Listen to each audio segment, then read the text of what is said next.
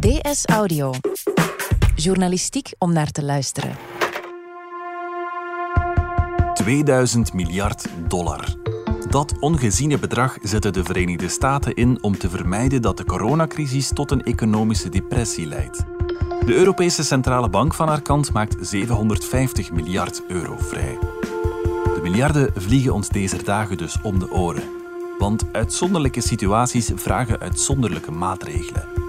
Maar waar komen al die miljarden vandaan? En hoe gaan we die ooit terugbetalen? Het is maandag 30 maart. Mijn naam is Niels de Keukelare en van op afstand is dit DS Audio.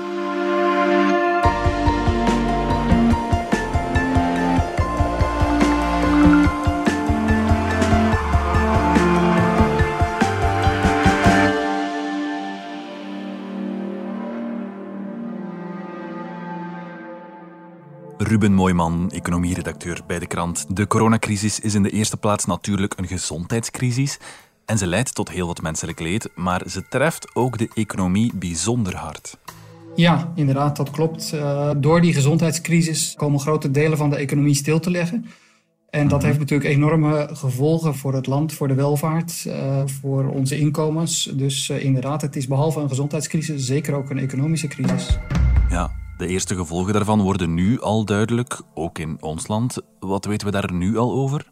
Wel, het VBO, het uh, Verbond voor Belgische Ondernemingen, heeft een uh, analyse gemaakt over in welke mate de Belgische economie nog draait. En de resultaten zijn eigenlijk vrij dramatisch. Bijna de hele economie is geïmpacteerd. De enige sector die het nog echt goed doet, is de voedingsdetailhandel. Dat zijn de supermarkten en de voedingswinkels die gewoon open zijn. Maar alle ja. andere sectoren die draaien op een lager pitje of soms zelfs vrijwel helemaal niet meer. Bijvoorbeeld de luchtvaart ligt voor 80% stil omdat alle vliegtuigen nu aan de grond staan. Andere sectoren die enorm zwaar getroffen zijn, bijvoorbeeld de horeca, alle cafés en restaurants zijn dicht. Uh, dus dat zijn echt enorm zware gevolgen voor die uh, sectoren. Maar ook bijvoorbeeld ja, ja, ja. de bouw, um, ja, die probeert nog door te doen, maar dat is steeds moeilijker omdat mensen moeten anderhalve meter van elkaar afblijven. Dat is heel moeilijk als je op een werf zit. Uh, ook als je naar die werf toe moet rijden in een camionet. Ja, dat, dat, dat lukt allemaal niet. Dus je ziet dat steeds meer sectoren stil komen te liggen. En, en dat heeft een enorme impact op het geld dat bedrijven normaal verdienen. Lonen die worden uitbetaald, dat gebeurt allemaal niet meer. Steeds meer mensen komen in technische werkloosheid terecht. Dus uh-huh. uh, ja, de gevolgen zijn echt gigantisch. Kunnen we daar ook al cijfers op plakken op die gevolgen? Hoe hard leidt onze economie en ja, over hoeveel geld gaat het? Ja, dus als je alle schade optelt, schade wordt dan gedefinieerd als uh, een gemiste toegevoegde waarde. Dus eigenlijk economische activiteit die normaal uitgevoerd zou worden, maar nu niet uitgevoerd wordt. Dan kom je op een getal van 2,4 miljard euro per week. Dus ja. welvaart, zeg maar, die niet gecreëerd wordt. Voor mij klinkt dat als een enorm bedrag, maar misschien moeten we dat even in perspectief zetten. Want hoeveel waarde wordt er normaal gezien gecreëerd in ons land? Wel, in heel België wordt op jaarbasis ongeveer 450 miljard euro aan waarde gecreëerd. -huh. Dus per week gaat daar nu 0,55% van verloren. Als je ervan uitgaat dat de crisis zes weken duurt, ja. dan zit je dus aan 3% van die welvaart, 14,5 miljard ongeveer. Zou de crisis nog langer duren, want men spreekt nu al over 10 weken, ja. 12 weken, dan zit je al op een uh, veel hoger getal, namelijk 25 miljard. -huh. En dat zou ongeveer 5% zijn van de totale Belgische economie. Dus dan zouden we dit jaar 5% minder welvaart creëren dan dat we vorig jaar hebben gedaan. Ja, betekent dat dat we op een recessie afstevenen en dat de Belgische economie dit jaar zou krimpen? Ja, dus 5% minder. Dat betekent dat we in plaats van op een groei van 1,4%, waar men tot nu toe van uitgegaan was, afstevenen op een behoorlijke krimp van de economie.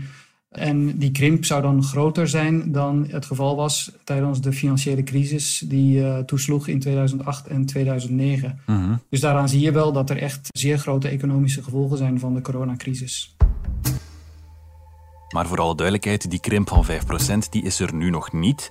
Dat is een scenario waarbij ja, dat 12 weken zou moeten duren als er niets verandert. Ja, dat is een scenario waarin de toestand zoals die nu is 12 weken lang zou duren. Inderdaad, je kan je afvragen, is dat reëel? Uh, niemand weet hoe lang de crisis gaat duren. Maar ja, het ziet er wel naar uit dat we er niet heel snel vanaf zullen zijn. Dus uh, ja, er is wel een zekere waarschijnlijkheid dat het, dat het toch wel uh, behoorlijk lang zou kunnen gaan duren. Dus die twaalf weken is ook niet zo heel onwaarschijnlijk. Ja, wat ik mij dan afvraag, hoe robuust was onze economie eigenlijk voor corona toesloeg? Hoe schokbestendig waren we? Niet zo heel schokbestendig eigenlijk, want ja, de Belgische economie stond er al niet zo heel geweldig voor. Het begrotingstekort was al aan het oplopen, zoals we allemaal weten. Mhm. Bovendien hebben we ook een vrij hoge staatsschuld, hoger dan veel andere economieën in de eurozone. Mhm. Dus dat zijn twee elementen die de Belgische financiën uh, verzwakken eigenlijk. Hè. Als je kijkt naar Nederland, uh, die hebben een begrotingsoverschot. dus die hebben eigenlijk ja, een overschot dat ze kunnen inzetten voor bijvoorbeeld crisisbestrijding. Dat hebben wij niet. Wij hebben een tekort. Dus alles wat we nu nog extra aan tekort creëren, ja, komt bovenop het tekort dat we al hadden. Mhm. Plus we hebben die hoge staatsschuld. Terwijl landen als eh, Nederland en Duitsland eigenlijk ruimte hebben om die staatsschuld nog verder te verhogen is die ruimte bij ons heel beperkt. Dus ja, we stonden er eigenlijk al niet goed voor en nu komt dit er nog eens bovenop. Ja, en ik kan mij voorstellen dat dit nog wel even gaat blijven hangen, ook bij de consument. Ja, die gaat wellicht niet meteen massaal geld uitgeven als dit voorbij is. Nee, je hebt natuurlijk een heel psychologisch effect van de crisis. Uh, ook daar is het onduidelijk ja, hoe lang die zal duren. Aanvankelijk werd gesproken over een, een V-vormige recessie. Dat betekent dat de economie heel snel in elkaar stort. Maar eens dat alles voorbij is, ook weer heel snel hersteld. Mhm. De vraag is of, die, eh, of dat scenario inderdaad bewaarheid zal worden. Want het ziet er nu naar uit dat als het lang duurt, dat er veel langdurige effecten zijn, wat men noemt tweede ronde effecten. Mhm. Bijvoorbeeld bedrijven die de crisis niet overleven, zullen failliet gaan. En het personeel dat voor die bedrijven werkte, zal dan werkloos worden. Dat betekent ja, dat je economie langdurige nadelige effecten zal houden eh, van de crisis. En dat je dus niet heel snel weer terugkeert naar je oorspronkelijke niveau. Mhm. Maar goed, hoe dat allemaal zal gaan is afwachten natuurlijk. Hè. We weten daar eigenlijk heel weinig van. Heel veel zal afhangen van hoe snel het virus bedwongen kan worden.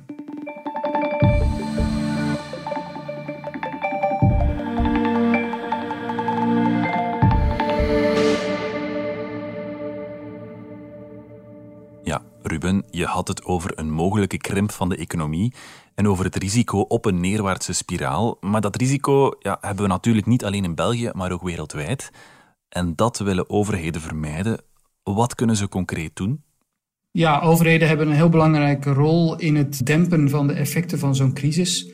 Wat je hier ziet is dat de uh, economie stilvalt grotendeels. Mhm. Bedrijven ja, functioneren niet meer. Consumenten geven geen geld meer uit omdat de winkels dicht zijn en de horeca stil ligt. Mhm. Dus al dat geld dat normaal blijft rollen, dat ja, blijft nu in de portemonnee zitten van de mensen. En de overheid kan dat compenseren door zelf geld in de economie te pompen, uh, zodat alles toch enigszins blijft functioneren. En dat is wat nu ook op heel grote schaal gebeurt. Uh, de Verenigde Staten hebben dus aangekondigd dat ze een stimuleringsprogramma van 2000 miljard dollar zullen gaan uitvoeren. Dat is een gigantisch bedrag, hè, die 2000 miljard. Ja, dat is inderdaad een heel hoog bedrag. Uh, het hoogste bedrag dat ooit uh, aangewend is in dit soort omstandigheden. Mhm. Ter vergelijking, de vorige crisis, de financiële crisis van 2008, heeft ook zo'n pakket aan maatregelen tot gevolg gehad. Maar dat was maar 800 miljard. Dus Mhm. onder Obama werd een pakket van 800 miljard aan stimuleringsmaatregelen goedgekeurd. Dus dit is ruim het dubbele daarvan. Dat, is, Mhm. dat is echt inderdaad ongezien. Ja, dat zijn enorme bedragen. Ja, en wat doet Europa, de Europese Centrale Bank? Europa is een ander verhaal, omdat Europa bestaat uit allemaal verschillende landen die allemaal hun eigen beleid voeren en hun eigen stimuleringsmaatregelen nemen. Mhm. De Europese Centrale Bank heeft daar wel een rol in, maar die kan geen begrotingsmaatregelen nemen. Hè. Die kan alleen maar indirect actief zijn. Dus de Europese Centrale Bank heeft aangekondigd om 750 miljard euro te besteden Mhm. aan het opkopen van overheidsobligaties. Dat betekent eigenlijk dat de schuld die de landen nu maken om de crisis te bestrijden, gedeeltelijk overgekocht wordt door de Europese Centrale Bank. Dus de. Europese Centrale Bank maakt het overheden makkelijker om zulke maatregelen te nemen. Maar het is wel aan de overheden om het eigenlijke werk te doen. Ja.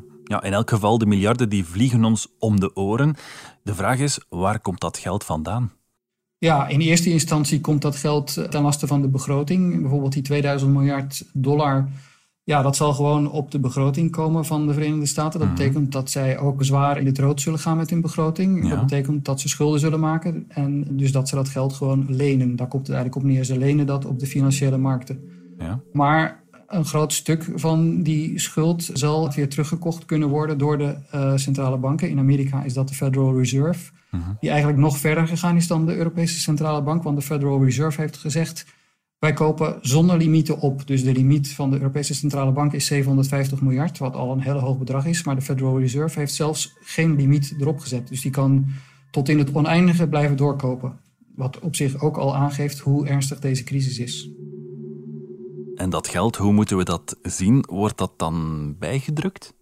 Er wordt geld bijgedrukt, in die zin dat het geld er eerst niet was en nu wel. Dus je kan dan in gedachten een drukpers zien die bankbiljetten produceert. Dat, er was ook een mooie foto van de Amerikaanse minister van Financiën, Steven Mnuchin, die een grote rol bankbiljetten in zijn hand hield om te symboliseren uh, ja, dat er nieuw geld beschikbaar is. Mhm. Nu, dat, dat nieuwe geld in Europa is niet direct beschikbaar voor de consument omdat de ECB dat via de banken in de economie pompt. Dus dat gaat via de financiële instellingen.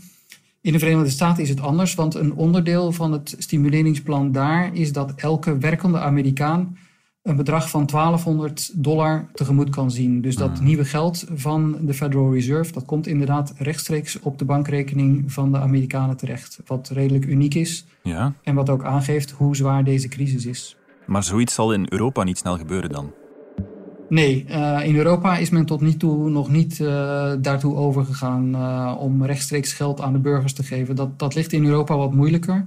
Het mandaat van de Europese Centrale Bank is beperkter dan dat van de Federal Reserve. En de ECB heeft tot nu toe altijd via de financiële instellingen gewerkt. Ja, Of daar in de toekomst verandering in zal komen, moeten we afwachten. Strikt genomen is de ECB reglementair beperkt in wat ze wel en niet mag doen. Dat mhm. is een reden waarom het in Amerika anders is dan hier.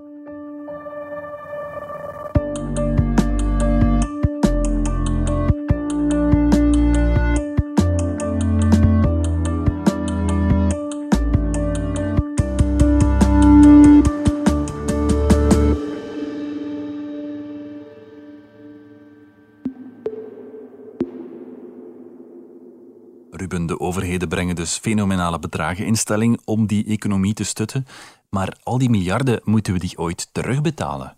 Wel, um, in principe niet. Uh, staatsschuld uh, is weliswaar schuld. En schuld, uh, zou je denken, moet je ooit terugbetalen. Maar het, het speciale van staatsschuld is dat elke keer wordt hernieuwd. Dus als een lening afloopt en de staat betaalt dat geld terug, dan leent ze dat ook direct weer van de desbetreffende financiële instelling of mhm. houder van die obligaties. Dus die staatsschuld, ja, die blijft eigenlijk continu bestaan. En de enige manier uh, waarop die soms naar beneden gaat, die staatsschuld, is doordat de economie sneller groeit dan de schuld zelf. Dan wordt de staatsschuld naar verhouding kleiner. Maar in absolute zin blijft de staatsschuld normaal gesproken uh, gewoon op peil of groeit die zelfs. Zijn er dan helemaal geen bezwaren tegen deze maatregelen? Toch wel. Uh, in theorie uh, zou excessieve geldschepping tot inflatie moeten leiden. Dat komt doordat als je geldhoeveelheid sneller aangroeit dan de economische activiteiten, dat dan het geld eigenlijk minder waard wordt, omdat er mhm. meer geld is om dezelfde hoeveelheid activiteiten te financieren. Ja. En als je geld minder waard wordt, dan wordt alles wat met dat geld betaald wordt duurder. En op die manier krijg je dus inflatie. Maar je zegt dat is de theorie, dus in de praktijk is dat niet meteen het geval? Klopt. Uh, de afgelopen jaren is gebleken dat ondanks enorme hoeveelheden nieuw geld die in de economie werden gepompt, er toch helemaal geen inflatie optrad. De ECB heeft de afgelopen jaren al 2500 miljard euro nieuw geld bijgedrukt en besteed aan de aankoop van staatsobligaties. En de inflatie is daardoor helemaal niet gestegen. Hmm. Dus dat risico is heel klein of zelfs onbestaande. Ik vraag me af, Ruben, als we dit voor de coronacrisis kunnen doen, dat massaal geld creëren, waarom kan dat dan niet voor pakweg het klimaat? Wel, dat zou kunnen voor het klimaat, maar het punt is dat ja, de omstandigheden nu zijn zodanig dat alle gebruikelijke regels overboord worden gegooid om de economie maar te redden. Mhm. Dus nu heeft extra geldcreatie wel een sterke stimulerende invloed op de economie, mhm. terwijl dat in normale omstandigheden eigenlijk veel minder het geval is. Uh, dan gaat de economie gewoon zijn gang. En kunnen activiteiten, nieuwe investeringen, economische groei kunnen gewoon gefinancierd worden uit de normale financiële kanalen die er bestaan. Maar nu zijn de omstandigheden zodanig exceptioneel dat men zijn toevlucht moet nemen tot, uh, tot bijzondere maatregelen. Ja, is het de eerste keer dat we zulke uitzonderlijke tijden meemaken? Wel, het is natuurlijk niet de eerste keer. We hebben al heel wat uh, economische crisissen gehad. Je kan al denken aan de grote depressie uh, die in de jaren 20 ontstond. En in de jaren 30 eigenlijk zijn dieptepunt beleefde. Ja. Ook toen werd er gereageerd met enorme overheidsinvesteringen. De New Deal was dat toen. En daar heeft men eigenlijk geleerd hoe je zo'n crisis moet aanpakken. Want aanvankelijk lukte dat eigenlijk niet goed. En pas toen de overheid op grote schaal is gaan tussenkomen, werd de crisis min of meer bezworen. Dus die grote depressie uit de jaren 30 heeft de economen veel geleerd over dit soort crisissen. Ja, en wat dan concreet? Want je had het over de New Deal. Wat hield die juist in? Wel, dat was een enorm uh, groot economisch stimuleringsplan van de overheid. De overheid heeft daar heel veel geld besteed aan uh, investeringen, aan allerlei sociale maatregelen ook. En pas toen dat gebeurde, begon de economie een beetje op te krabbelen. Die mhm. was na de grote crash van 29 heel lang op een zeer laag pitje blijven hangen. Maar pas toen de overheid echt heel veel geld erin begon te pompen, Ehm, toen kwam de economie weer een beetje bij zijn positieve. Dus daar hebben we heel veel van geleerd van die aanpak. Mhm. De financiële crisis van 2008 heeft ook een dergelijke aanpak meegemaakt. Al was die wel een beetje anders. Daar heeft men vooral veel geld besteed aan het redden van de banken. Ja. Omdat de banken natuurlijk een heel cruciaal onderdeel zijn van de economie. En uh, ja, die dreigden toen om te vallen. Um, ja, dat zou rampzalig geweest zijn. Dus toen heeft men ook heel veel geld, onbeperkt veel geld eigenlijk, uh, uitgegeven om die banken overeind te houden. Mhm. Maar wat er toen daarna gebeurd is, is dat overheden toch bleven bezuinigen omdat ze bang waren voor te hoge schulden en te hoge begrotingstekorten. En ja, achteraf kan je misschien zeggen dat dat niet de beste aanpak is geweest. Vandaar dat overheden nu zeggen van ja, nee, we moeten echt onbeperkt alle geldsluizen volledig openzetten. Goed, laat ons hopen dat dit de ergste pijn kan verlichten. Ruben Mooiman, dankjewel. Graag gedaan. Dit was DS Audio. Heb je vragen over corona? Weet dan dat je terecht kunt op de website www.info-coronavirus.be van de federale overheid. Je kunt ook bellen naar het infonummer 0800 14 689. Wil je reageren op deze podcast of wil je een verhaal delen over de impact van corona op jouw leven? Dat kan via dsaudio.standaard.be. Deze aflevering hoorde je Ruben Mooiman en mezelf Niels de Keukelare. De redactie gebeurde door Pieter van Malen en Wouter van Driessen. Pieter en Wouter deden ook de eindredactie. Pieter Schrevens deed de audioproductie. Brecht Plasgaard schreef de muziek die je hoorde in deze podcast. Chef audio is Wouter van Driessen. De extra geluidsfragmenten die je hoorde kwamen van Reuters en VRT Nieuws. Vond je deze podcast interessant? Weet dan dat je er elke werkdag één kunt beluisteren. Dat kan via de DS Nieuws app of via standaard.be-audio. Je kunt je ook abonneren via Apple Podcast, Spotify of de podcast-app van jouw keuze. als je daar dan toch bent, schrijf gerust een review. Zo toon je ook anderen de weg. Morgen zijn we er opnieuw.